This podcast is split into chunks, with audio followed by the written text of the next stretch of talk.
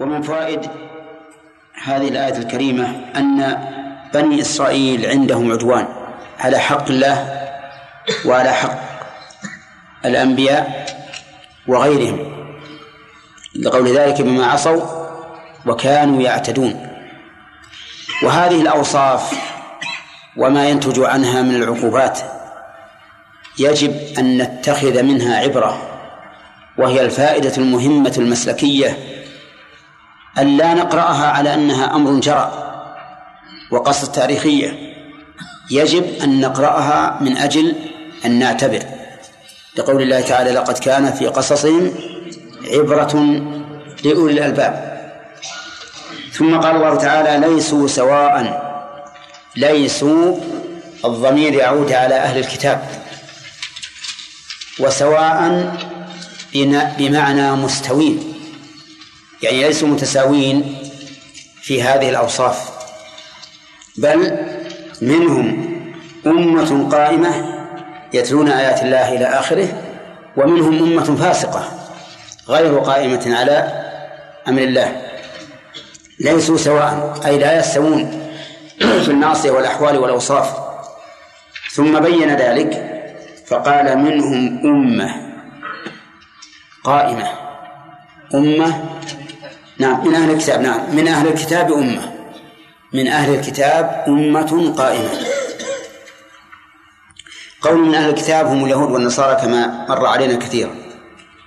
وأظهر هنا في موضع الإضمار أظهر في موضع الإضمار إما لطول الفصل بين الظاهر الذي ترجع إليه الضمائر وإما لاستئناف الجملة لأن قوله من أهل الكتاب جملة مستأنفة. أمة أي طائفة.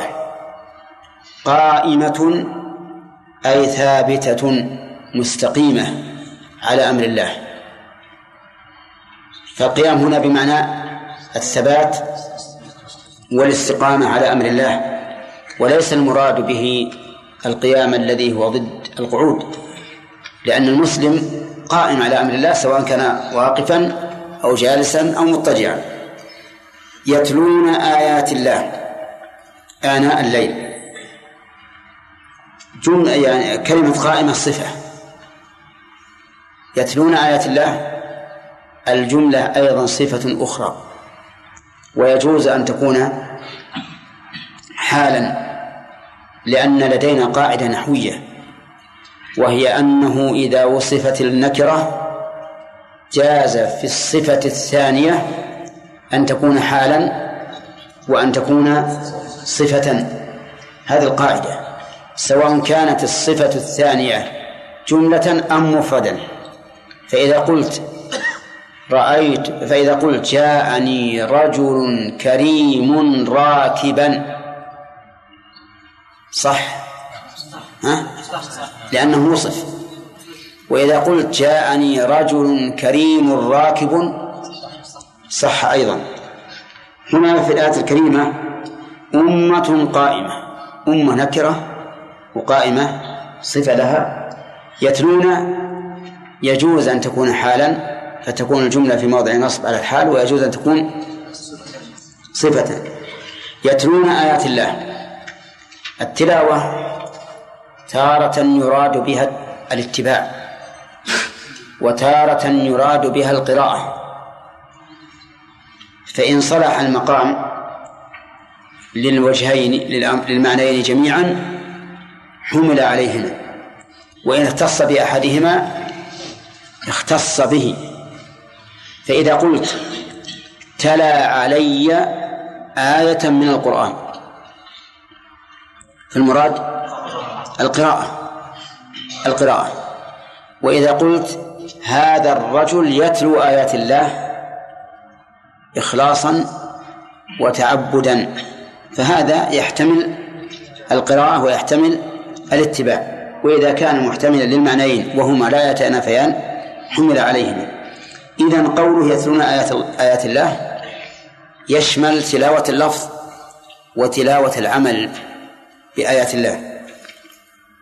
وقوله آناء الليل آناء بمعنى أوقات. أوقات. ومنه النوء لوقت ظهور النجم أو للنجم. فالآناء بمعنى أوقات.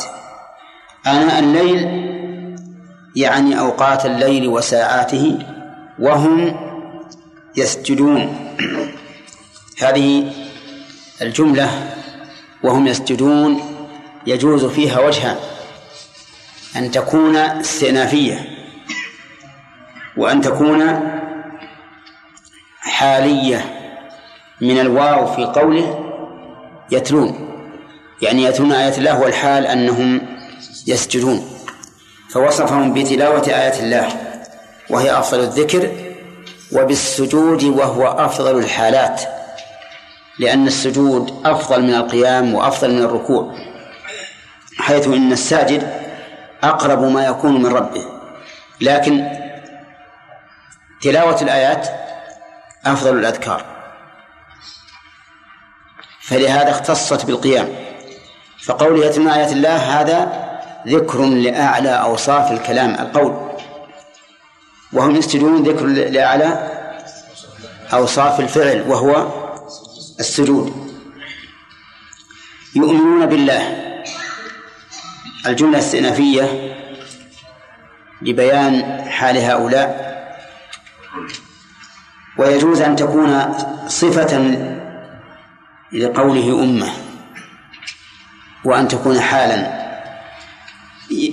يؤمنون بالله واليوم الآخر والإيمان بالله سبحانه وتعالى يتناول أربعة أشياء الإيمان بوجوده. والإيمان بربوبيته والإيمان بألوهيته والإيمان بأسمائه وصفاته. لا بد من هذا. فمن أنكر وجود الله فهو لم يؤمن به. ومن آمن به وأنكر توحيده بالربوبية فإنه لم يؤمن به. ومن آمن به وبربوبيته ولكنه أنكر انفراده بالألوهية فإنه لم يؤمن به.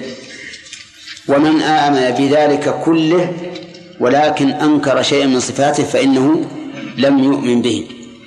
فلا إيمان بالله إلا بهذه الأمور الأربعة. أما الإيمان باليوم الآخر فالمراد باليوم الآخر أولا هو يوم القيامة. وسمي يوما آخر لأنه لا يوم بعده إذ هو منتهى الخلائق. ولا فيه ليل ولا نهار. كله يوم واحد لا شمس ولا قمر ولا نجوم كل في مكانه. إما في الجنة أو في النار فهو آخر شيء آخر شيء يكون فيه العباد. ومعلوم أن للعباد أربع دور. الدار الأولى في بطون أمهاتهم والثانية في هذه الدنيا. والثالثة في البرزخ والرابعة في اليوم الآخر وهي الأخيرة. ولهذا سمي اليوم الآخر. اليوم الآخر يدخل فيه في الإيمان به كل ما أخبر به النبي صلى الله عليه وسلم مما يكون بعد الموت. كل ما أخبر به مما يكون بعد الموت. فسؤال الميت في قبره داخل في الإيمان باليوم الآخر. وعذاب القبر أو نعيمه داخل في الإيمان باليوم الآخر. ووجه ذلك أن كل من مات فقد قامت قيامته فما يجده في قبره كالذي يجده بعد حشره. كله من أمور الغيب كله في دار الجزاء. فلهذا قال الشيخ الإسلام وقد قال الشيخ الإسلام رحمه الله ويدخل في الإيمان باليوم الآخر كل ما أخبر به النبي صلى الله عليه وسلم مما يكون بعد الموت. الإيمان به أن تؤمن بكل ما جاء في الكتاب والسنة مما يكون بعد الموت جملة وتفصيلا. ولكن اعلم أنه يوجد في كتب الوعظ من الأحاديث الضعيفة بل الموضوعة في أحوال القبر وأحوال القيامة ما ينبغي للقارئ أن يحترز منه. ولا ولا أحسن من الرجوع إلى الكتب الصحيحة في هذا الباب لئلا نضل الناس. لأن بعض الوعاظ يختار مثل هذه الأحاديث من أجل الترغيب أو الترهيب. والحقيقة أن هذا مسلك ليس بجيد لأن كوننا نملأ أدمغة الناس بأحاديث ضعيفة أو موضوعة خطأ حتى وإن كان فيها ترغيب أو ترهيب فيما صح عن النبي صلى الله عليه وسلم كفاية. والناس سوف يأخذون كل ما ذكر على أنه صحيح. يقولون ما قيل في المحراب فهو صواب. والواجب على من ألف في الترغيب والترهيب ألا يذكر إلا ما كان حجة من صحيح أو حسن. وأما الضعيف فلا حاجة لذكره لأننا في غنى عنه في غنى عن هذا الضعيف الذي لم يثبت عن رسول الله صلى الله عليه وسلم. وقوله ويأمرون بالمعروف وينهون عن المنكر. سبق ذكره في هذه السورة مرتين أو مرة واحدة. ها؟ سبق. هذا الثالث أنا أقول سبق أنا ما أقول ذكر أقول سبق ذكره مرتين. الأمر معروف والنهي عن المنكر. طيب وذكرنا في أول أول ما مر علينا ذكرنا شروطه وآدابه. ويسارعون في الخيرات. يعني مع كونهم مؤمنين وكونهم مصلحين هم أيضا مسارعون في الخيرات. يعني أنهم يتسارعون في الخيرات كما يتسارع الناس في الغنائم. وقول يسارعون في الخيرات ولم يقل إلى الخيرات. مع مع أن سارع تتعدى بإلى كما قال الله تعالى وسارعوا إلى مغفرة من ربكم. لأن المراد بذلك مسارعتهم إليها وفيها أثناء القيام بها. انتبهوا المراد المسارعة إليها. فإذا وصلوا إليها لم يقفوا عن المسارعة يسارعون فيها. وهذا هو السبب والعلم عند الله في أنه قيل يسارعون في الخيرات. نعم ولم يقل إليها. وقوله في الخيرات الخيرات جمع خير أو خيرة وهي كل ما انتفع به العبد أو نفع غيره. فالصلاة خير وتعليم وتعليم الناس كتاب الله وسنة رسوله صلى الله عليه وسلم خير والدعوة إلى الله خير والأمر بالمعروف والنهي عن المنكر هو خير أيضا. فكل ما يقرب إلى الله سبحانه وتعالى فهو خير. والمسارعة فيه هي المسارعة إليه والمسارعة فيه أثناء العمل. قال وأولئك من الصالحين أولئك المشار إليه هذه الأمة القائمة من أهل الكتاب. قال أهل العلم والصالح من قام بحق الله وحق العباد وضده الفاسد والصلاح يدور على شيئين علم وعمل. وضده الجهل والكفر والتمرد. فمن كان جاهلا فإنه ليس بصالح والمراد ليس بصالح الصلاح الذي يكون في قمة الصلاح وإلا فإن معه من الصلاح بمقدار ما عنده من العلم ومن لم يكن عاملا فليس بصالح. وعنده من من فقد الصلاح بقدر ما فقد من العمل. ثم قال تعالى وما يفعلوا من خير فلن يكفروه. ما شرطية وجملة فلن يكفروه جواب الشرط. وفيها وفي هذا هذه الآية قراءتان. وما تفعلوا من خير فلن تكفروه بالتاء.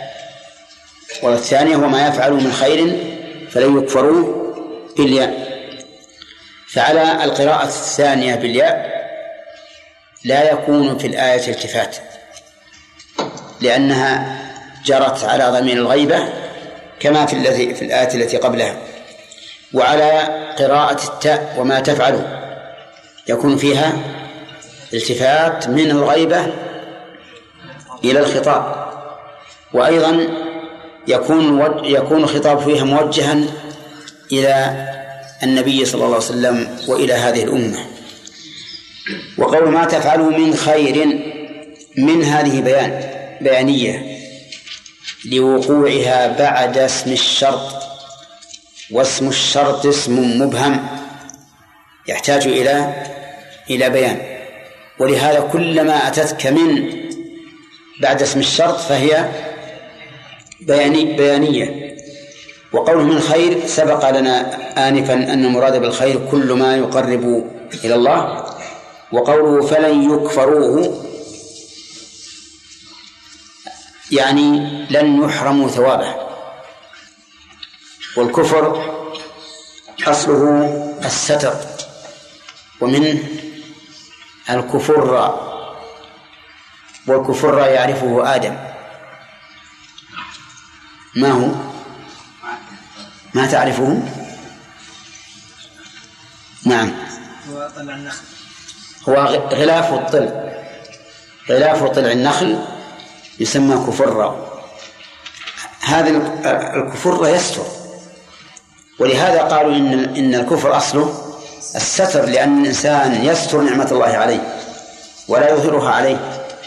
فالنعمة تقتضي الشكر فإذا لم تشكر فهذا هو الكفر.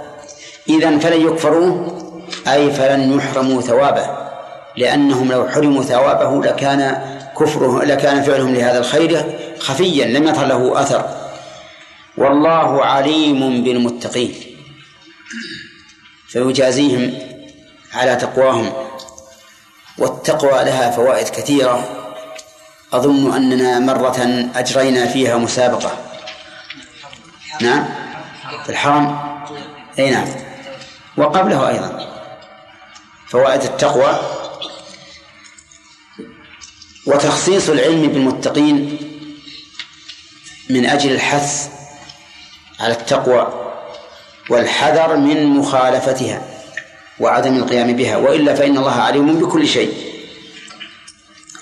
نأخذ فوائد هذه الآية. من فوائد هذه الآية أن أهل الكتاب ليسوا بسواء. فإن منهم أمة ضالة ومنهم أمة قائمة بأمر الله.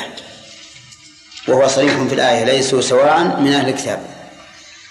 ومن فوائدها بيان عدل الله عز وجل وأنه يعطي كل ذي حق حقه.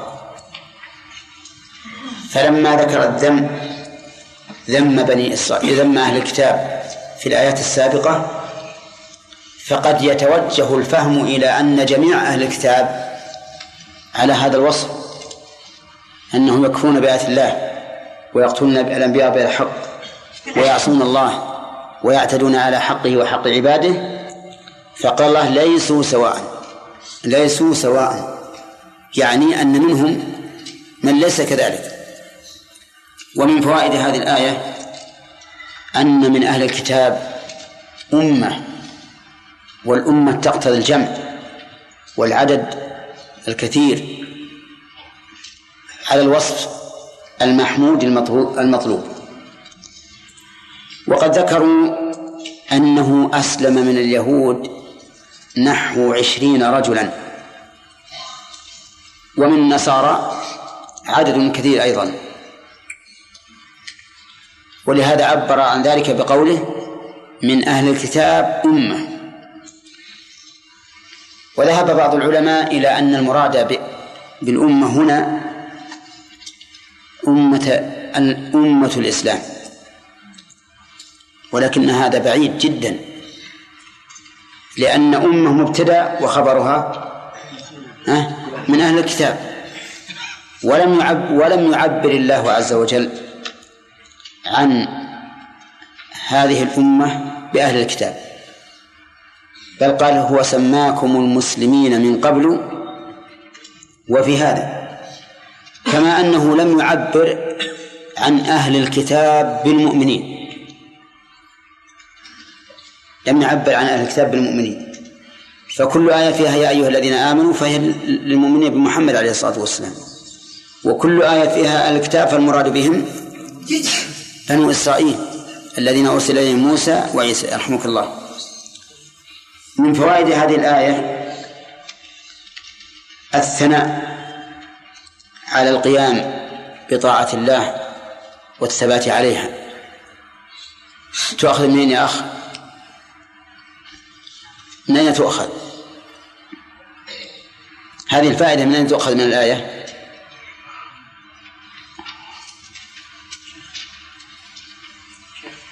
لا خلوا الأخ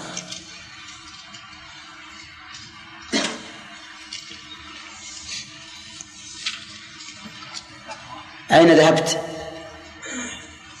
وين سرحت؟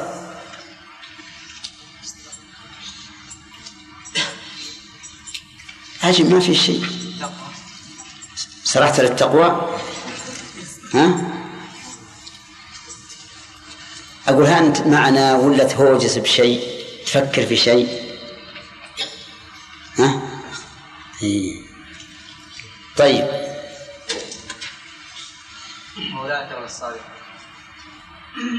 لا عبد القادر. أمة قائمة شيخ. أمة قائمة. هذا وجه الثناء عليهم. طيب من فوائد هذه الآية؟ الثناء على من يتلون كتاب الله قراءة وعملا. من ناخذ عبد داود.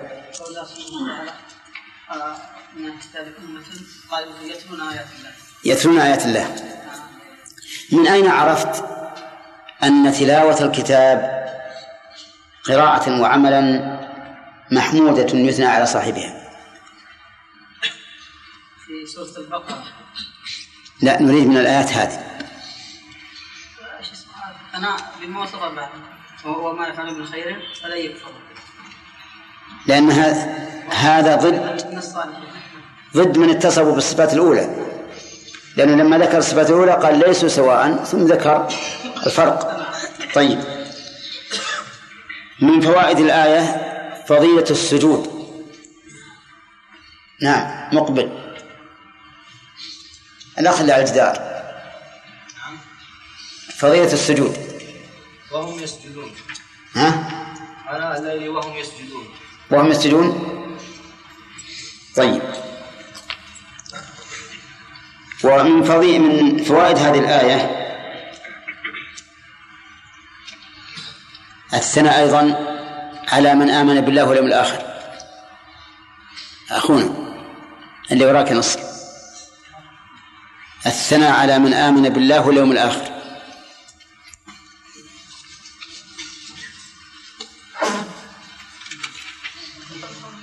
من أين تأخذها؟ ما معكم إصحاح؟ ها؟ إيش؟ وين المصحف؟ الله يهديك. نعم. يؤمنون بالله واليوم الآخر. طيب هل إذا أثنى الله على شخص بصفة يكون مذموما إذا لم يتصف بها؟ نعم. ها؟ إذا انتفت هذه ينتفي يعني الحمد على هذا. يعني ينتفي الحمد عنه وقد يستحق الذم وقد لا يستحق. يستحق الذم إذا انتفى يعني الإيمان باليوم الآخر لا شك أنه ينتفي يعني إذا انتفى الإيمان فهو مذموم يعني كافر. لكن في غير هذا لو أثنينا على شخص بأنه يصلي صلاة الضحى هل معنى ذلك أنه لو لم يصلي فهو مذموم؟ ها؟ طيب إذا نأخذ قاعدة. لا يلزم من انتفاء المدح ثبوت الذم. وينبني على هذا فائدة فقهية أيضا.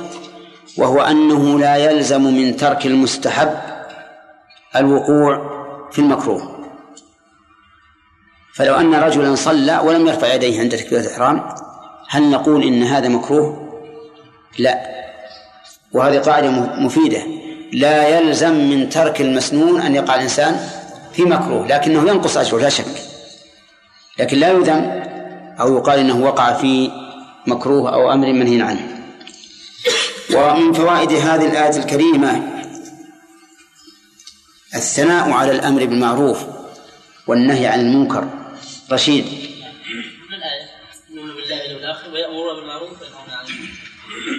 طيب لو قال قائل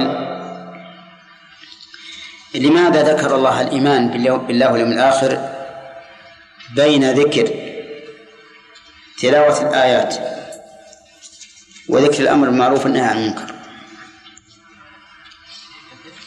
الآن بدأ بتلاوة آيات الله والسجود وثنى بالإيمان بالله واليوم الآخر وثلث بالأمر بالمعروف والنهي عن المنكر. فلماذا جعل الإيمان وهو الأصل بين تلاوة الكتاب وبين الأمر بالمعروف والنهي عن المنكر؟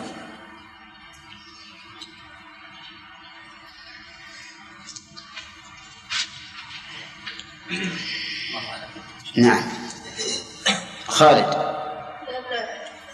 الآيات تذكر باليوم الآخر وتثبت الإيمان به يعني لا يمكن إيمان بشيء إلا بعد العلم به.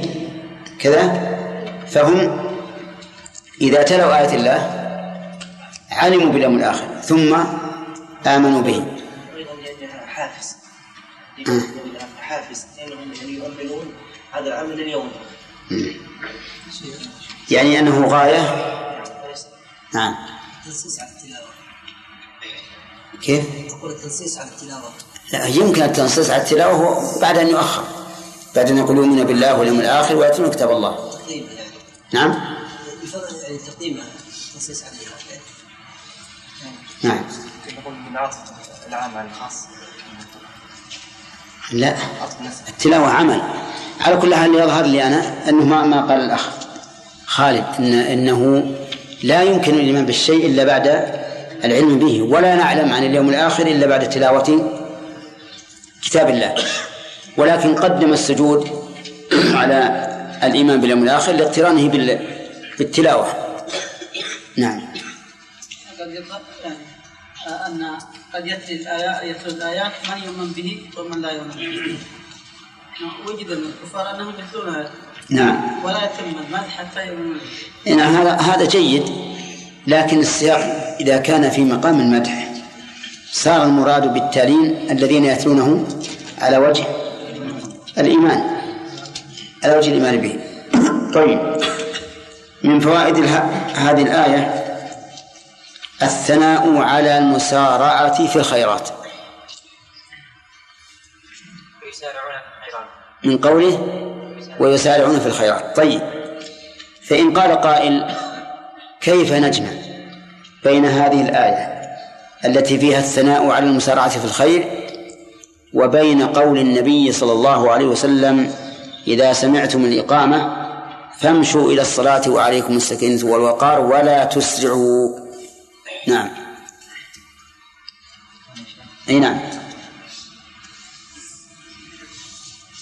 نقول شيخ المسارعة في الخيرات قيام الصلاة سكينة والوقار أي يعني معناه الخيرات ما أمر به الشرع. كذا؟ والإسراف في الذهاب إلى الصلاة ليس من الخير لأن النبي صلى الله عليه وسلم نهى نهى عنه. طيب إذن الجواب أن نقول إن المسارعة في الخيرات هي المسارعة في موافقة الشرع. كذا؟ طيب الوجه الثاني المسارعة في إقامة الصلاة نفسها. في؟ تفسير الوجه الثاني إرادة الصلاة نفسها المسارعة إليها في إتقانها. لا هذه داخلة في العموم ما في إشكال. لكن كيف نهى عن الإسراع إليها؟ كيف؟ أقول كونه مثلا يتقن الصلاة لا شك أنه مسارعة في الخيرات وداخل في العموم. لكن سؤالنا عن النهي عن الإسراع إليها فيقال إن المراد بالمسارعة في الخيرات هي المسارعة إلى التزام الشرع والقيام به. نعم. لأن الذي يذهب إلى الصلاة بتؤدة سكينة.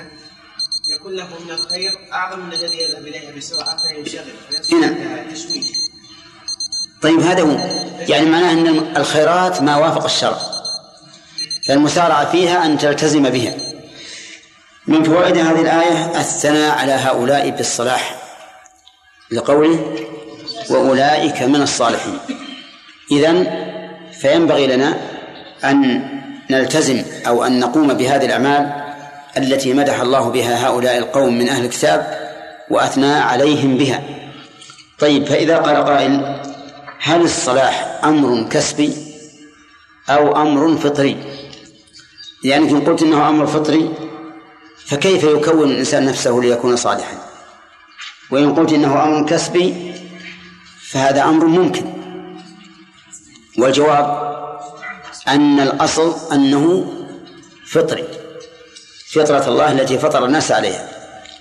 لكنه في في النهاية والغاية يكون كسبيا. ولهذا قال النبي عليه الصلاة والسلام فأبواه يهودانه أو ينصرانه أو يمجسانه. وللصلاح أسباب. للصلاح أسباب. منها ما ذكر الله هنا تلاوة آيات الله كثرة الصلاة الإيمان بالله واليوم الآخر وتحقيقه الأمر بالمعروف والنهي عن المنكر. ولهذا يشكو كثير من الناس اليوم أنه قد يجد في قلبه شيئا من الفساد. فكيف يصلحه؟ نقول أصلحه بما ذكر الله من من هذه الأحوال لأهل الكتاب فإن هذا من من أسباب الصلاح. ولهذا قال وأولئك من الصالحين. طيب صحبة الأخيار من أسباب الصلاح.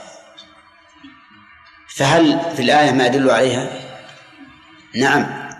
لأنهم إذا كانوا يأمرون بالمعروف وينهون عن المنكر لا يمكن أن يصحبوا أحدا من أهل إيش؟ المنكر والشر. فيكون في الآية إشارة إلى صحبة الأخيار ولا شك أن صحبة الأخيار من أسباب الصلاح. ولهذا ثبت عن النبي عليه الصلاة والسلام أنه مثل الجليس الصالح بمن؟ بحامل المسك. ويروى عنه صلى الله عليه وسلم أنه قال المرء على دين خليله فلينظر أحدكم من يخالل وأخذ الشاعر هذا المعنى وقال عن المرء لا تسأل وسل عن قرينه فكل قرين بالمقارن يقتدي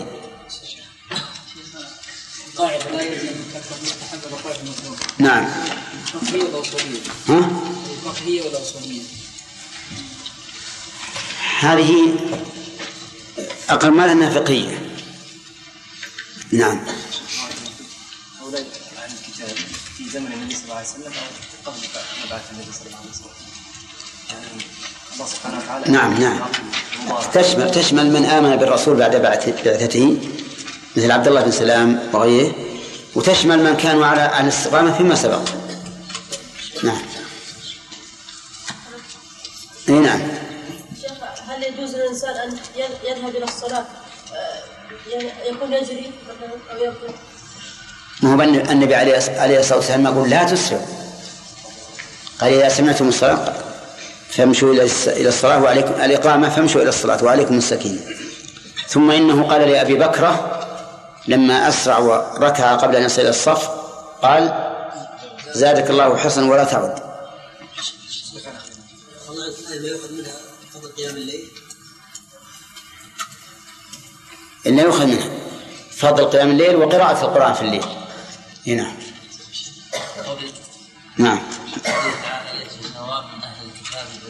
نعم. أمة المقتدى نعم. نكرة موصوفة بنكرة نعم. نعم. كيف جاز انها تكون؟ يجوز الابتداء بالنكرة إذا أفادت. وهي إذا تأخرت فهي مفيدة. لو قلت في الدار رجل فهي مفيدة. ولو قلت رجل كريم في الدار فهي أيضا مفيدة. فإذا وصفت أو أخرت فهي مفيدة. نعم. قوله تعالى يتلون آيات الله آناء الليل ويسجدون ما يدل هذا على أن تلاوة هي القراءة وليست العمل لأن خصصها بالليل يعني. نعم. يكون في الليل والنهار إي نعم.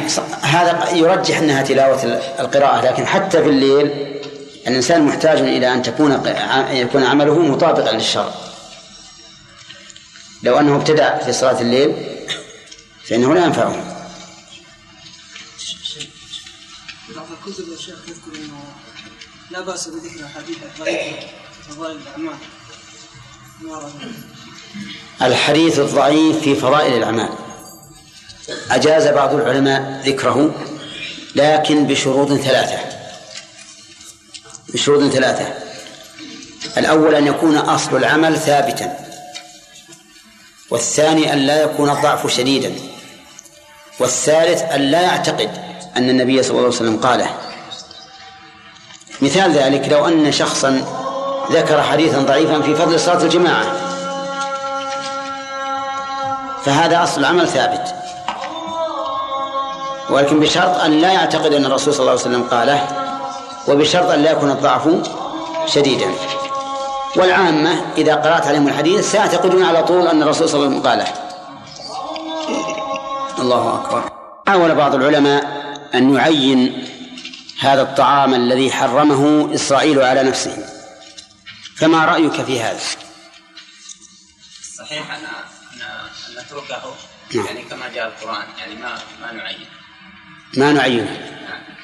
لأنه لو كان في تعيينه فائدة لعينه الله. هل لهذا نظير مما حاول بعض العلماء أن يعينه وهو مبهم في القرآن؟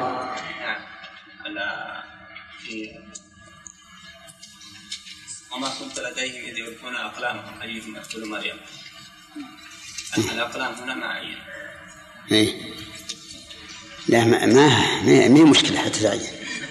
ولكن بعض العلماء قال أنها داح أو كذا. أي بس اختلفوا في معناها فقط. اسماء أصحاب الكهف. نعم. اسمها أصحاب الكهف ولون كلبهم. طيب.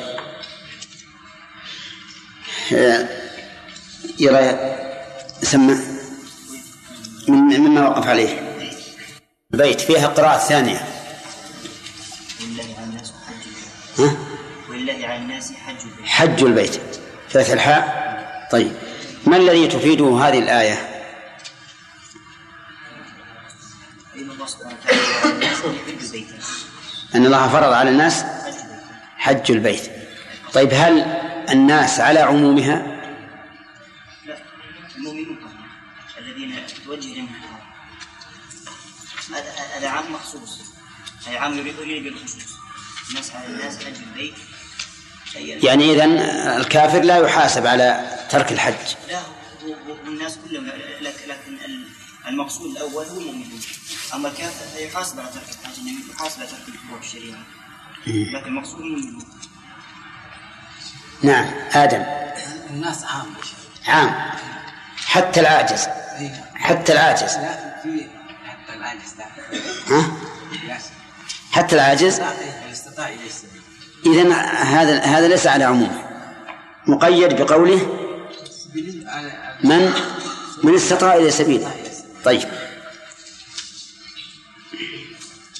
آه، ما هي الفائدة من من كونه يأتي بالعام أولا ثم يقول من استطاع؟ نعم. يعني لم يقل من أول الكلام ولله ولله على المستطيع حج البيت. الحج واجب على كل الناس. هذا الت- الترغيب فيه ولبيان أهميته. ثم بعد ذلك قال ان إن أناس مخرجين يعني ليبين أهمية الحج ثم يبين رحمة الله باشتراط الاستطاعة. طيب إذا قال قائل جميع الواجبات لا بد فيها من استطاعة. فلماذا قيدها هنا؟ قيده هنا. الغالب فيه المشقة. نعم أحسنت. الغالب فيه المشقة أكثر من غيره طيب.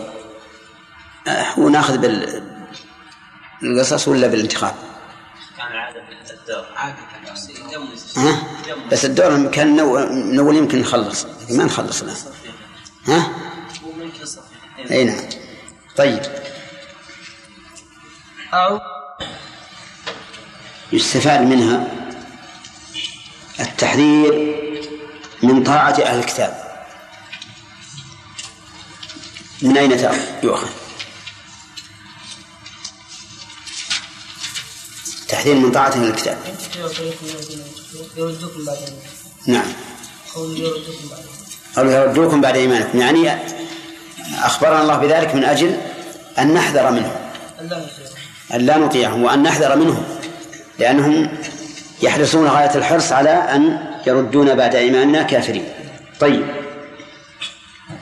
قوله اتقوا الله حق تقاته. هل هذه الآية على ما على ظاهرها محكمة أو منسوخة؟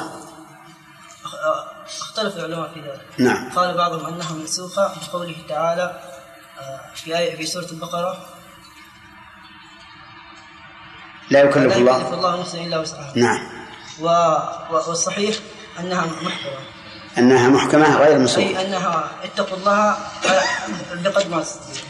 بقدر ما يستطيعون طيب إذا دار الأمر إذا اختلف العلماء في آية أو حديث هل هو منسوخ أو غير منسوخ؟ فمن الأصل معه؟ الأصل نجمع بين الآية نجمع لا من الأصل معه. مع من قال إنه منسوخ ولا مع من قال إنه غير منسوخ؟ في هذه الآية؟ فلا اختلاف عام. يعني إذا اختلف العلماء في آية أو حديث هل هو منسوخ أو غير منسوخ فمن الأصل معه؟ الأصل في عدم النسخ. الأصل مع من قال بعدم النسخ. تمام. طيب. إذا ما دام العلماء اختلفوا في هذه الآية هل هي منسوخة أو أو غير منسوخة فالأصل أنها غير منسوخة وتبقى على محكمة. طيب إذا قال قائل ولا تموتن إلا وأنتم مسلمون. ما المعنى؟ ما معنى الآية؟ ولا تموتن إلا وأنتم مسلمون. أي ابدأوا من الآن بطاعة الأسباب طاعة الأسباب يعني استمروا على الإسلام إلى؟ إلى أن تموتوا. إلى أن تموتوا. استمروا على الإسلام إلى أن تموتوا. أحسنت جملة وأنتم مسلمون من الإعراب موضع من الإعراب. الواو ما قبلها لا ما ما بيك تعرفها. جملتها محل من الإعراب. آه، أنتم؟ الجملة هذه ما محلها من الإعراب إلا وأنتم مسلمون. لا. حال. نعم. ها؟ إيه نعم في ماضي نصب على الحال. طيب. نعم. إيه نعم. في موضعين. أين هما؟ قوله تعالى واعتصموا بحبل الله اولا والموضع الثاني ولا تفرقوا لا. لأن الاعتصام بحبل الله جميعا هذا أمر بالاعتصام به. ولا تفرقوا نعم.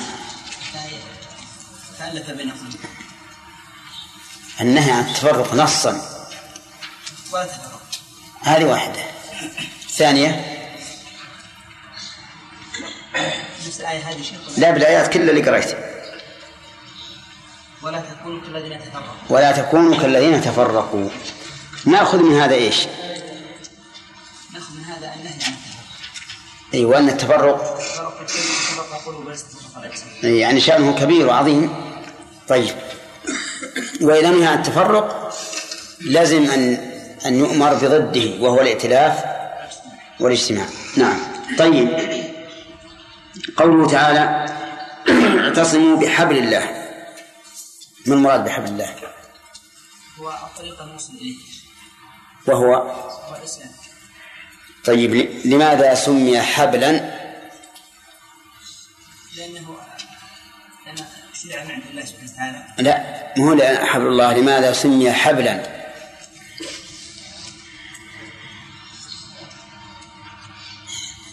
لأنه يوصل إلى الله عز يوصل إلى المقصود ها؟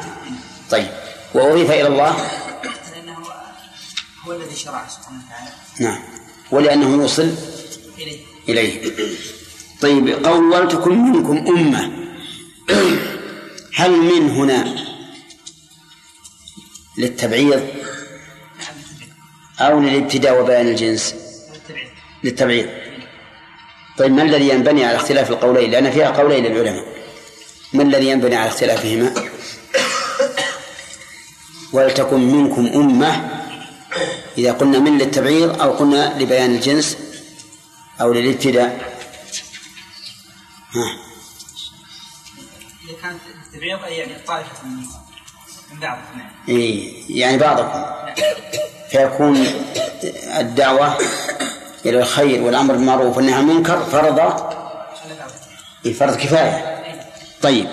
وإذا قلنا إنها للابتداء أو لبيان الجنس. صار ذلك فرضا على الجميع.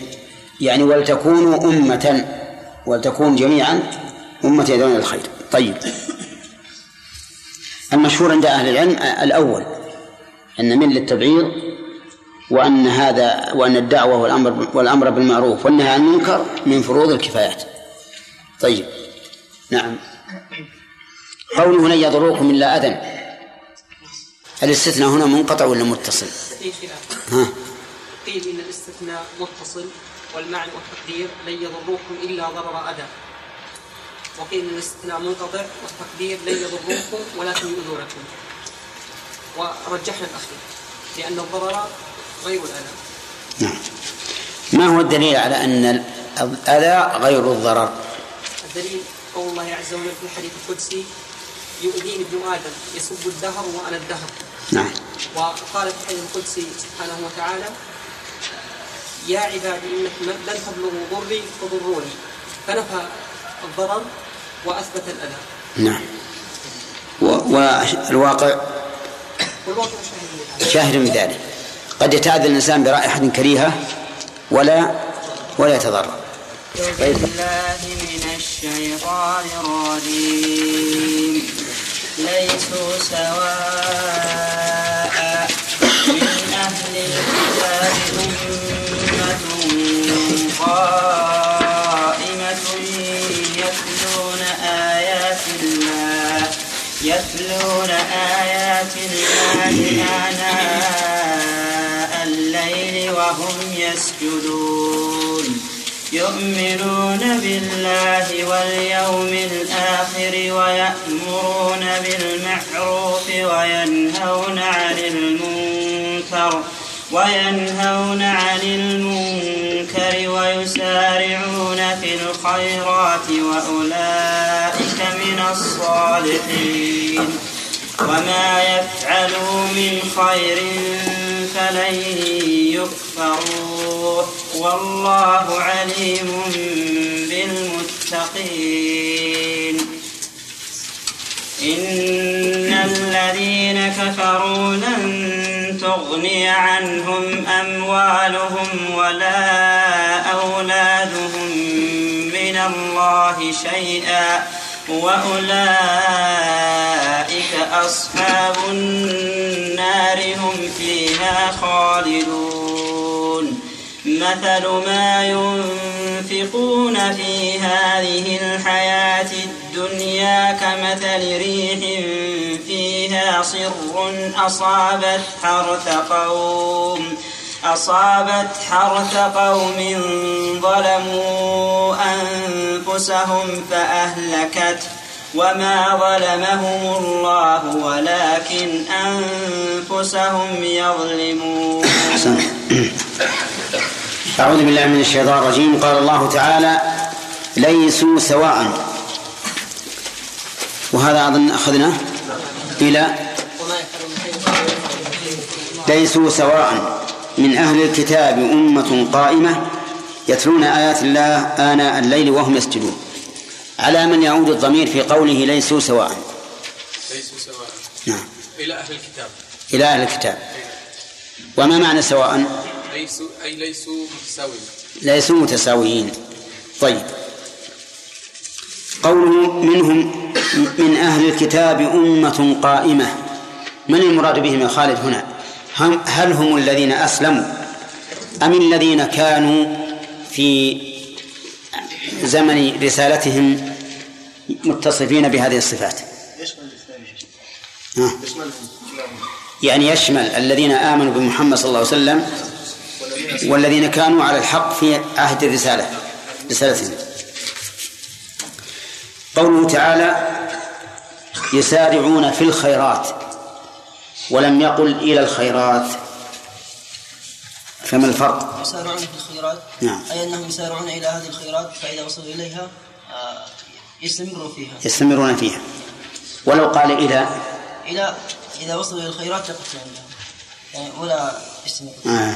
يعني لا تدل على استمرارهم في في المسارعة بعد الوصول إليها. طيب. ما الفرق بين هذا وبين قوله تعالى وسارعوا إلى مغفرة من ربكم؟ خالد. قال سارعوا إلى مغفرة. أي نعم. ولم يقل في مغفرة. لأن المغفرة من الله عز وجل بينما الخيرات بإمكانهم يفعلوها أما المغفرة فلا يملكونها المغفرة من الله. إيه، نعم. شيخ المغفرة ما يمكن أن تكون يعني ظرفا لهم سارعوا. لا في الأعمال الصالحة يعني هي غاية. ليست هي غاية وليست عملا. إيه، على كل حال الجوابان متقاربان. الفرق بينهما ظاهر لأن المغفرة غاية غاية العمل وثمرة العمل. بخلاف العمل فإنه ظرف لكدح الإنسان. طيب. قول وما يفعل من خير فليكفروه فيها قراءتان. ما هما؟ وما يفعل من خير وما تفعل من خير. كمل الآية؟ وما يفعل من خير آه، أو وما تفعل من خير فلن تكفروا. فلن تكفروا. ما الفرق بين القراءتين؟ القراءة الأولى ما يفعل من خير لا يمكن أن تكون للاتفاق لأنها تكون على ضمير الغير ولو كانت لكن على من يعود الضمير فيها؟ على أهل الكتاب. على هذه القراءة على الكتاب. على أهل الكتاب. نعم.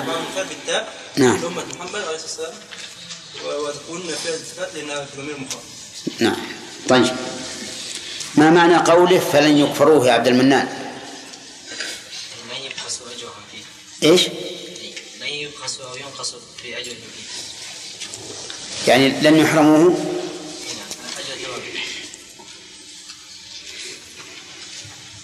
قوله تعالى والله عليم بالمتقين يا عليان هل علم الله مخصوص بالمتقين أو شامل؟ شامل. أجل لماذا قيده بالمتقين؟ زيادة عناية. ها؟ أقول زيادة عناية به. العناية بهم ولا إيه؟ إيه. وش تقولون؟ نعم الحث على التقوى أي الحث على التقوى والعناية بهم أنه لن يضيع لن يضيع ثواب تقواهم طيب أخذنا الفوائد أظن إلى ها؟ إيه. إذا يعني آخر آية طيب، والله عليم بالمتقين. يعني يكون رد على يعني اليهود لما يعني ظنوا أنهم هم متقون وهم على الحق. قال الله عليم بالمتقين. يعني رد عليهم. الله عليم بالمتقين. هذه على قراءة الياء على قراءة نعم يكون لها لها هذا وجه أيضا. من فوائد هذه الآية قوله تعالى وما يفعل من خير فلن يكفروه من فوائدها أن من فعل خيرا أثيب عليه. لأن المراد هنا بالنفي هنا تمام الإثبات. يعني أنهم يعطون أجره كاملا بلا نقص. ومن ثمار ومن فوائدها كمال عدل الله عز وجل بكون العامل إذا عمل عملا أثيب عليه. ولو حوسب على ما أعطاه الله من النعم لهلك. لكن يثاب وتكون نعم الله عليه مجرد فضل من الله. ومن فوائد هذه الآية إثبات علم الله بقوله والله عليم بالمتقين ومن فوائدها الثناء على أهل التقوى. والتقوى ذكرت في القرآن الكريم على وجوه متنوعة متعددة أمرا وثناء على أهلها وبيانا لثمراتها. يا أيها الذين آمنوا إن تتقوا الله يجعل لكم فرقانا ويكفر عنكم سيئاتكم ويغفر لكم. ومن فوائدها ثبوت الثواب على عمل الخير قليلا كان أم كثيرا. لقوله من خير وهي في سياق الشرط فتكون عامة. ثم قال الله عز وجل إن الذين كفروا لن تغني عنهم أموالهم ولا أولادهم من الله شيئا. قوله تعالى إن الذين كفروا يشمل كل من كفر بالله من يهودي أو نصراني أو شيوعي أو دهري أو مسلم أو مسلم ارتد. المهم أن كل من كفر بالله فهذا حكمه. والكفر ذكر أهل العلم أنه قسمان. كفر مخرج عن الملة وكفر غير مخرج عن الملة. وعليه يتنزل قول ابن عباس رضي الله عنهما في قوله تعالى ومن لم يحكم بما أنزل الله فأولئك هم الكافرون قال كفر دون كفر ومن أمثلة هذا النوع عن الكفر الذي لا يخرج عن الملة. قول النبي صلى الله عليه وسلم سباب المسلم فسوق وقتاله كفر. فإن قتال المسلم ليس بكفر أي ليس بكفر مخرج عن الملة ولكنه كفر دون كفر لأنه لا أحد يقدم على قتل المسلم إلا الكافر. فإذا قدم قدم المسلم على قتل أخيه المسلم فقد أتى خصلة من خصال الكفر. والدليل على أن قتال المسلم ليس بكفر بكفر مخرج عن الملة قوله تعالى يا خالد وإن طائفتان من المؤمنين اقتتلوا فأصلحوا بينهما فإن بغت إحداهما الأخرى فقاتلوا التي تبغي حتى تفيء إلى أمر الله إلى قوله إنما المؤمنون إخوة فأصلحوا بين أخويكم. ومن ذلك قوله صلى الله عليه وسلم اثنتان في الناس هما بهم كفر. الطعن بالنسب والنياحة على الميت. ولها أمثلة. المهم أن هذا كفر أصغر لا يخرج من الإسلام. أما الكفر الأكبر فهو الكفر الذي يخرج من الإسلام. مثل قوله تعالى إن الذين كفروا من أهل الكتاب والمشركين في نار جهنم خالدين فيها أولئك هم شر البرية.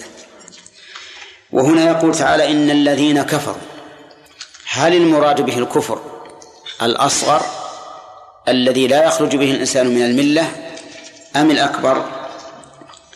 الظاهر والله أعلم أن المراد به الأكبر. لقوله تعالى وأولئك أصحاب النار هم فيها خالدون.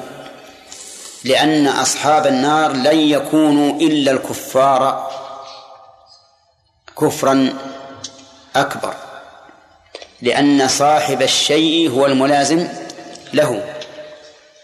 ومن كفر كفرا أصغر فإنه لن يلازم النار بل لا بد له من الخروج منها.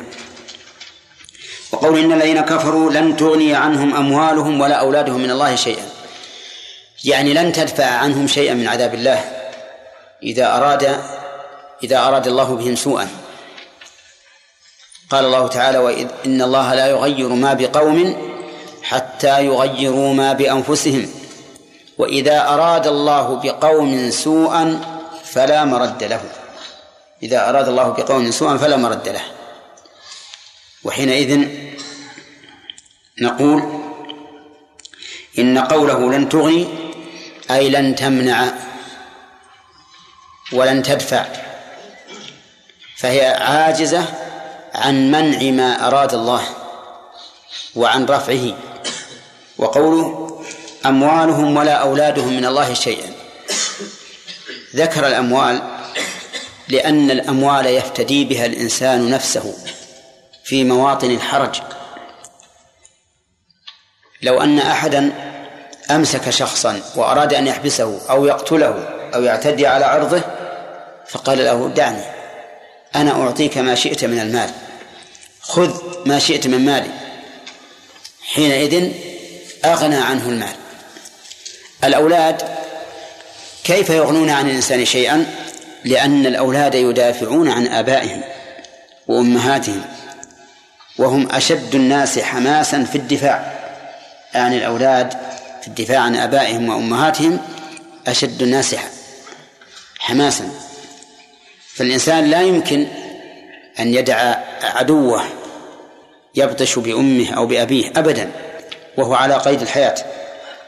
فلهذا قال ولا أولادهم لأن الأولاد هم الذين يدافعون عن آبائهم وعن أمهاتهم. من الله شيئا شيئا نكرة في سياق النفي. أين النفي؟ لن تغني قال الأصوليون والنكرة في سياق النفي تفيد العموم.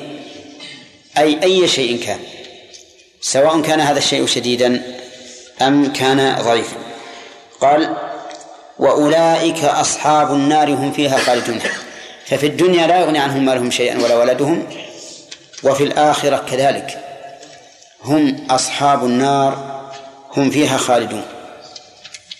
والنار معروفة هي ذلك الجسم الحار ولكن حرارة النار في في الآخرة ليست كحرارة النار في الدنيا هي فضلت على حرارة النار في الدنيا بتسعة وستين جزءا. نسأل الله السلامة. فأنت إذا قدرت الآن أعظم ما في الدنيا من النيران في الحرارة فإن نار جهنم أشد منها يعني تزيد عليها بتسعة وستين جزءا. فإذا أخذنا الأصل والزيادة صارت سبعين يعني مقدار حرارتها سبعين عن حرارة نار الدنيا. وقول أصحاب النار أي أهلها الملازمون لها وهم فيها خالدون أي ماكثون. ثم قال عز وجل في بيان أن أموالهم لا تغني عنهم شيئا ولا تنفعهم مثل ما ينفقون في هذه الحياة الدنيا كمثل ريح فيها صر أصابت حرث قوم ظلموا أنفسهم فأهلكته هذا تمثيل أو تشبيه تمثيلي يعني لأن التشبيه يقولون إنه نوعان تشبيه إفرادي مثل أن تقول فلان كالبحر فلان كالأسد. وتشبيه تمثيلي بمعنى أنه تشبه الهيئة بالهيئة. يكون المشبه شيئا مجموعا نعم شيئا مؤلفا من من عدة أمور والمشبه به كذلك. يكون شيئا مؤلفا من عدة أمور فيسمى عند البلاغيين تشبيها تمثيليا والأول تشبيه إفراد تشبيها إفراديا. كمثل ريح فيها صر أصابت حرث قوم ظلموا أنفسهم. الصورة الآن ريح شديدة فيها برودة عظيمة ولها وحيف صرير من شدتها. أصابت حرث قوم ظلموا أنفسهم فالتشبيه مركب الآن. من ريح شديدة باردة أصابت حرث قوم. يعني مصيب ومصاب. حرث قوم أي زرعهم. ظلموا أنفسهم أي استحقوا أن يعذبهم الله عز وجل بهذه الريح فأهلكته فإذا هبت الريح العاصفة الباردة القوية انتقاما من بني آدم فإنها سوف تهلك هذا الزرع هذا الحرث. طيب وجه الشبه ظاهر لأنهم سلطوا على أموالهم تسليطا عظيما لكن لم ينتفعوا بهذا التسليط. عادت هباء. كما قال تعالى إن الذين كفروا ينفقون أموالهم ليصدوا عن سبيل الله فسينفقونها ثم تكون عليهم حسرة ثم يغلبون. هذه حال الكفار إذا أنفقوا أموالهم لن ينتفعوا بها إطلاقا. كمثل ريح فيها صر أصابت حرث قوم ظلموا أنفسهم فأهلكته طيب فيها صر يعني أنها مشتملة على الصر وفسرنا الصر بأمرين. البرودة ها والشدة الصوت. لها صريع من شدتها. وباردة هذه لا تبقي على الزرع لا تبقي ولا تذر. فأهلكته. قال الله تعالى وما ظلمهم الله. يعني أن الله عز وجل ما ظلمهم حين سلطهم على إهلاك أموالهم. بدون أن ينتفعوا بها. ما ظلمهم. لأن الله تعالى لا يظلم الناس شيئا. ولكن أنفسهم يظلمون. يعني هم الذين يظلمون أنفسهم بكفرهم بآيات الله. ولا أحد أجبرهم على هذا الكفر. وإذا فعل الإنسان الشيء بنفسه فلا يلومن إلا نفسه. وقوله ولكن أنفسهم يظلمون في إشكال وهو أنه نصب المبتدأ والمعروف أن المبتدأ يكون مرفوعا فما الجواب؟ بخور؟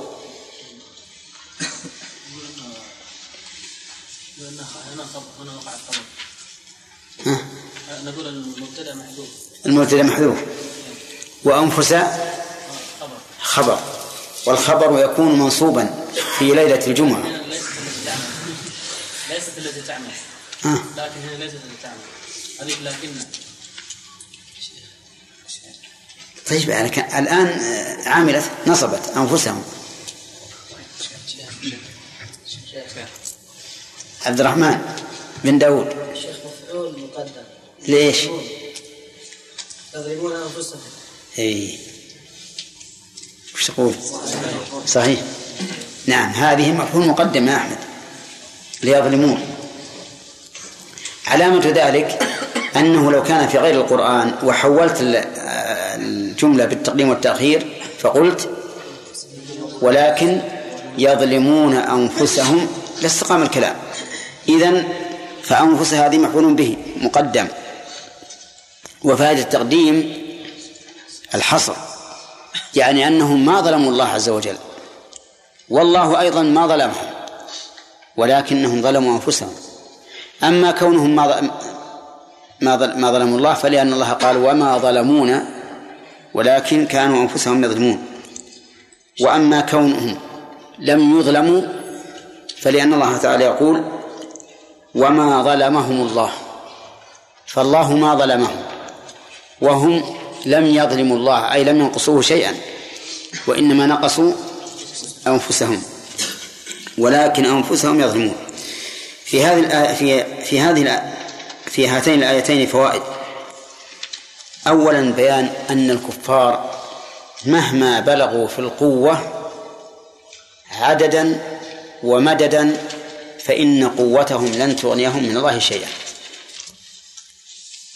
عددا لقوله أولاد مددا أموال. مهما كثرت قوتهم عددا ومددا فإنها لن تغني عنهم من الله شيئا. من فوائدها من فوائدهما أيضا تمام قدرة الله وسلطته على العباد حيث إن الكفار العتاة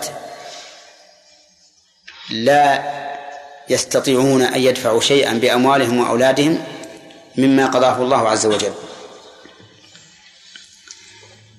فإن قال قائل مفهوم الآية أن المؤمنين تغني عنهم أموالهم وأولادهم من الله شيئا. قلنا هذا غير مراد لأن الآية سيقت في الرد على الكفار الذين يفتخرون بأموالهم وأولادهم فبين الله أن أموالهم وأولادهم لا تغني عنهم من الله شيئا. أما المؤمنون فقد قال الله تعالى يا أيها الذين آمنوا لا تلهكم أموالكم وأولادكم من الله شيئا. لا تلهكم أموالكم ولا أولادكم عن ذكر الله. ومن يفعل ذلك فأولئك هم الخاسرون. ولا أحد ينفعه ماله وولده إلا أن يكون عونا له على طاعة الله. من فوائد هذه الآية أن الكفار في النار. لقوله أولئك أصحاب النار. ومن فوائدها أنهم مخلدون فيها لقوله هم فيها خالدون. والجملة اسمية تدل على الدوام والثبوت. طيب فإن قال قائل هل هذا الخلود أبدي أم له غاية؟ فالجواب أنه أبدي وليس له غاية ودليل ذلك في كتاب الله في ثلاث آيات منه في النساء والأحزاب والجن. ففي النساء يقول الله تعالى إن الذين كفروا وظلموا لم يكن الله ليغفر لهم ولا ليهديهم طريقا إلا طريق جهنم خالدين فيها أبدا. وكان ذلك على الله يسيرا. وفي سورة الأحزاب يقول الله تعالى إن الله لعن الكافرين وأعد لهم سعيرا خالدين فيها أبدا. لا يجدون وليا ولا نصيرا. وفي سورة الجن ومن يعص الله ورسوله فإن له نار جهنم خالدين فيها أبدا. وليس بعد هذه الآيات قول يقال. بل لو قاله قائل فقوله مردود عليهم. لأن هذا أمر غيبي لا يعلم إلا من قبل الشرع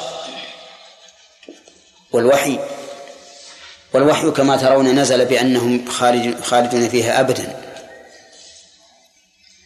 وإذا جاء النص فلا قياس. إذا جاء النص فلا قياس. فمن ادعى أنهم يخلدون فيها إلى أمد فإنه لولا تأويله لكان أمره خطيرا جدا. لكنه تأول واشتبهت عليه بعض الآيات وقال بعدم التخليد الأبدي. وإلا لكان أمره خطيرا جدا لأن ظاهر هذا القول تكذيب القرآن والأمر خطير جدا لكنه صدر من أناس نعلم نصحهم لله ولكتابه ولرسوله ولأئمة المسلمين وعامتهم على وجه تأولوا فيه. والله يغفر لهم تأويلهم. لكن بالنسبة للعقيدة التي بين الإنسان وبين ربه إذا تبين له خطأ عالم من العلماء وجب عليه مخالفته. أما بالنسبة للعالم فيرجو له المغفرة والرحمة. إذا علم بالنصح للأمة لأنه غير معصوم. العصمة في كتاب الله وسنة رسوله صلى الله عليه وسلم. ومن فوائد هذه الآية الآيتين إثبات القياس. إثبات القياس. لقوله مثل ما ينفقون في هذه الحياة الدنيا كمثل ريح. ووجه ذلك أن المثل إلحاق للأصل ها بالفرع. إلحاق للمشبه بالمشبه به. وهذا هو أصل القياس. أصل القياس إلحاق فرع بأصل في حكم لعلة جامعة.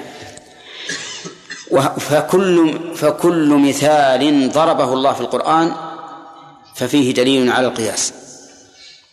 إذ أنه إلحاق المشبه بماذا؟ بالمشبه به. وعليه فيكون في هذه الآية عبد الله إثبات القياس. ومن فوائد من فوائد هاتين الآيتين. حسن أو تمام بلاغة القرآن. وذلك بقياس الغائب على الشاهد. وجهه أن الريح التي فيها صر وأصابت حرث قوم ظلموا أنفسهم كل يعرف أنها مدمرة ومهلكة. فكذلك أعمال الكافرين هالكة لا خير فيها لأن الكفر مدمر لها. وما منعهم أن تقبل منهم نفقاتهم إلا أنهم كفروا بالله وبرسوله. ومن فوائد هذه الآية بل الآيتين. أن الكافر لن ينتفع بما عمل في الآخرة.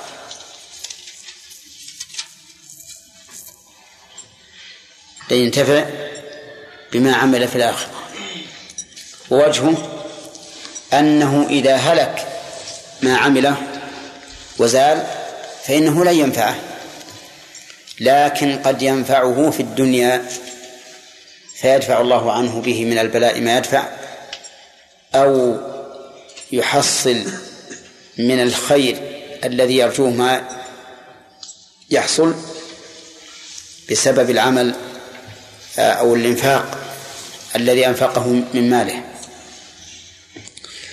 ومن فوائد هذه الآية الكريمة بل الآيتين انتفاء الظلم عن الله لقوله وما ظلمهم الله. وهل هو محال لذاته أو لغيره؟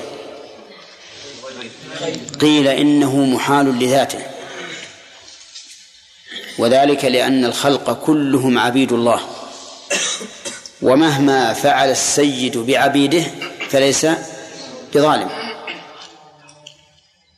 وعلى هذا فإن الظلم في حق الله مستحيل لذاته. وهذا القول يتضمن أن الله غير قادر على الظلم لأنه مستحيل لذاته عندهم. والقول الثاني أن الظلم بالنسبة لله مستحيل لغيره. يعني لو شاء الله أن يظلم لظلم لكنه مستحيل لغيره. ما هو الغير؟ كمال عدل الله. كمال عدل الله هو الذي منع أن يقع الظلم من الله سبحانه وتعالى. ولهذا نقول لو شاء الله لظلم العباد فأهدر أعمالهم الصالحة وأضاف إليهم أعمالا سيئة لم يعملوها. لكن لكمال عدله لا يمكن أن يقع منه ذلك سبحانه وتعالى. إذا فالظلم محال اللي جنبك يا شاكر. محل بالنسبة لله عز وجل؟ إيه؟ محل لغيره نعم. والقول الثاني. إنه محل لذاته أيما أدل على الكمال؟ القول الأول ولا الثاني؟ الأول إذا كان محل لغيره نعم. الأول. لأنه لو كان محال لذاته لم يكن فيه مدح لله عز وجل. محال ما, ما يمكن يقع. فليس فيه مدح لله. المدح أن يكون قادرا عليه ولكن تركه لكمال العدل. وأضرب لكم مثلا يبين الأمر. لو أن رجلا عنينا عنينا دعته امرأة إلى نفسه. لكن رجل عنين. عنين يعني لا يقدر على الجماع. قال والله ما ما, ما لي رغبة. نمدحه. ها؟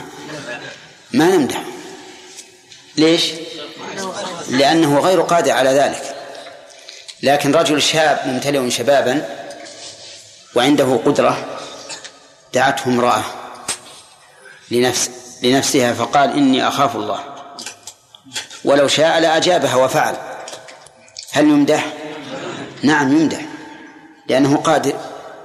فإذا قلنا إن الظلم بالنسبة لله مستحيل ولا يمكن أن يقع منه صار عدم ظلمه ليس فيه مدح وصار تمدح الله به لغوا لا فائدة منه. إذن فالله تعالى نفى عن نفسه الظلم لكمال عدله فلعدله لا يمكن يقع منه ظلم. طيب من فوائد الآية بل الآيتين من فوائدهما. إثبات أن الله تعالى موصوف بالنفي كما هو موصوف بالإثبات. صح؟ وصف الله بالإثبات كثير في القرآن. وصفه بالنفي أقل لكنه موجود. طيب هذا النفي الذي وصف الله به نفسه هل هو نفي محض مجرد؟ لا. بل هو نفي متضمن لثبوت وهو كمال ضد ذلك الشيء. فإذا قال الله عن نفسه وما ربك بظلام للعبيد قلنا لكمال عدل. وإذا قال وما الله بغافل عما يعملون لكمال مراقبته. وإذا قال وما مسنا من لغوب لكمال قوته وقدرته. وهلم جرا لا يمكن أن يوجد في صفات الله نفي محض بل هو نفي لثبوت ضده لثبوت ضده على وجه الكمال. يقول العلماء رحمهم الله ولا بد من هذا التقدير. إيش التقدير؟ إثبات كمال الضد. قالوا لأن مجرد النفي. إن كان لعدم القابلية فلا مدح فيه. وإن كان للعجز عن المنفي فهو نقص. نقص. أنتم معنا الآن؟ طيب. إن كان لعدم القابلية فلا مدح فيه. مثل لو قلنا الجدار لا يظلم. الجدار لا يغدر بالوعد بالعهد. لا يخلف الوعد. إيش الكلام هذا؟ هذا لغو لغو. كل الناس يعرفون هذا. فما مثلك إلا كمثل الذي قال السماء فوقنا والأرض تحتنا. أو قال كأننا حول المدرس طلبة يدرسون. نعم. إيش الفائدة من هذا؟ في فائدة هذه؟ طيب. فإذا كان غير قابل لهذا المنفي عنه فإن وصفه به لغو لا فائدة منه. وإن كان هذا النفي لعجزه عن تحقيقه. صار نقصا. صار نقصا. لو قلنا إن الله لا يظلم لأنه ما يستطيع أن يظلم لا شك أنه نقص. إذا فالقاعدة فيما وصف الله به نفسه من النفي أنه ليس نفيا إيش؟ محضا بل هو متضمن لإثبات كمال. إيش؟ ما الكمال؟ كمال ضد ذلك المنفي. ثم قال ولكن أنفسهم يظلمون. نعم يستفاد من هذه الآية أن النفس نفس الإنسان عنده أمانة. يلحقها ظلمه وغشمه ويلحقها بره وإحسانه فالإنسان عند نفسه أمانة. الإنسان عند عند نفسه أمانة. يجب أن يرعى هذه الأمانة حقها. وإذا كان يجب على الإنسان أن يرعى الأمانة في ولده وأهله ففي نفسه من باب أولى ولهذا قال الله عز وجل ولا تلقوا بأيديكم إلى التهلكة هذه وصية منه تعالى لنا بأنفسنا. وقال يوصيكم الله في أولادكم فأوصانا الله بأولادنا. وصية منه لنا بأولادنا. والولد بضعة من, من, من أبيه. نعم. أحمد؟ ها؟ نفي السنة ونفي الجهل تكون مثل الظلم أنها محال وغيره. أما السنة والنوم فهذا محال لغيره. محال لغيره. وقد يقال إنه محال لذاته. لأن السنة والنوم ليست فعلا بل هي انفعال وحال تطرأ على النائم والناعس. فقد يقال إنها محال لغيره ولو شاء لنام وأخذت في السنة. وقد يقال محال لذاته لأن في ذلك نفيا لكماله ولأن هذا ليس فعلا بل هو انفعال. فبينه وبين وبين نفي الظلم فرق. فهد؟ شيخ هل يمكن أن يغني عن كافر أشياء أخرى غير المال والولد؟ لا. ما يمكن لكن ذكر المال والولد لأن هذا هو الغالب. أن الإنسان ينتفع بماله وولده. نعم. لا هذه خاصة. هذه خاصة. هذه خاصة لسبب وهو حمايته للرسول عليه الصلاة والسلام وعنايته به. نعم يا عبد الرحمن. شيخ الرسول صلى الله عليه وسلم قال ناركم هذه فضلت عليها نار الآخرة. يشير إلى نار الصحابة.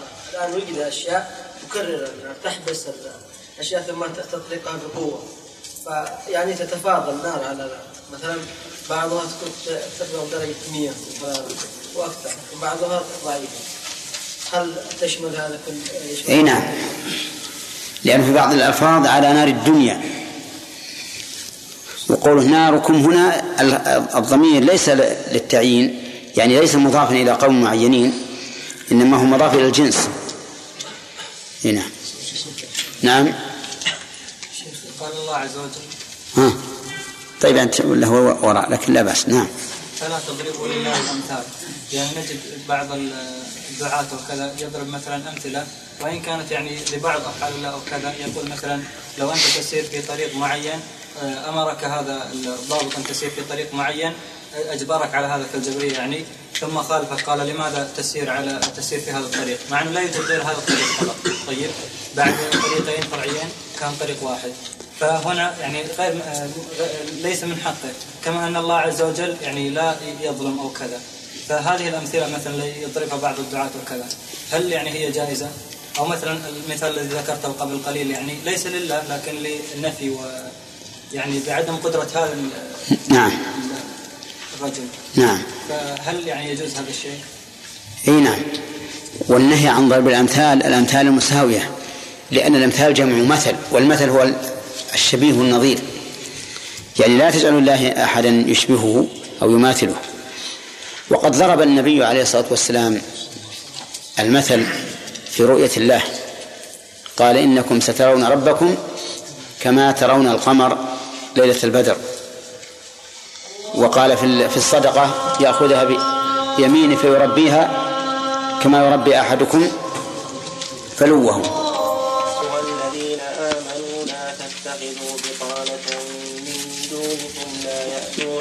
خبالا ودوا ما عنتم. قد بدت البغضاء من أفواههم وما تخفي صدورهم أكبر. قد بينا لكم الآيات إن كنتم تعقلون. ها أنتم أولئك تحبونهم ولا يحبونكم وتؤمنون بالكتاب كله. وإذا لقوكم قالوا آمنا. وإذا خلوا عضوا عليكم الأنامل من الغيظ قل موتوا بغيظكم إن الله عليم بذات الصدور.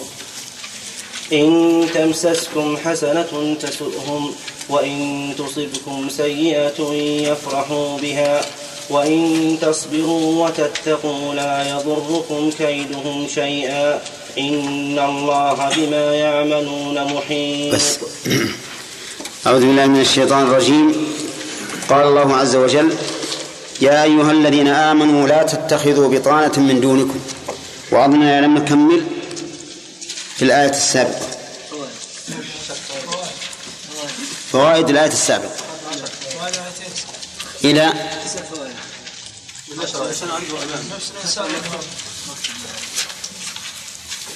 إلى نفس الإنسان عنده أمانة نعم. طيب. ذكرنا نفي الظلم عن الله؟ وذلك لكمال؟ عدله ظهرنا ما فيها. قال الله تعالى يا أيها الذين آمنوا لا تتخذوا بطانة من دونكم. يمر علينا مرارا كثيرا أن الخطاب بمثل هذا. أولا تصديره بالنداء يدل على أهميته والتنبه له. ثانيا توجيهه إلى المؤمنين له ثلاث فوائد. أولا الإغراء على الامتثال. كأنه يقول إن كنت مؤمنا فافعل كذا وكذا. إن كنت مؤمنا فلا تفعل كذا وكذا. إن كنت مؤمنا فصدق بالخبر. ففي توجيه المؤمنين إغراء بماذا؟ بالامتثال. ثانيا أن امتثاله من مقتضيات الإيمان. لأنه لا لا يخاطب الشخص بوصف.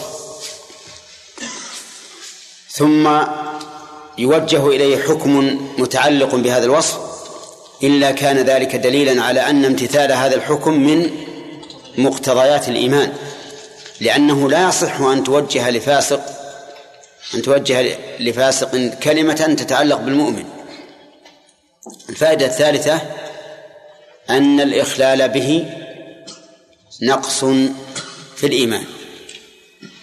إذا وجه الله الخطاب إلى المؤمنين ولم فهذا دليل على أن الإخلال به نقص في الإيمان.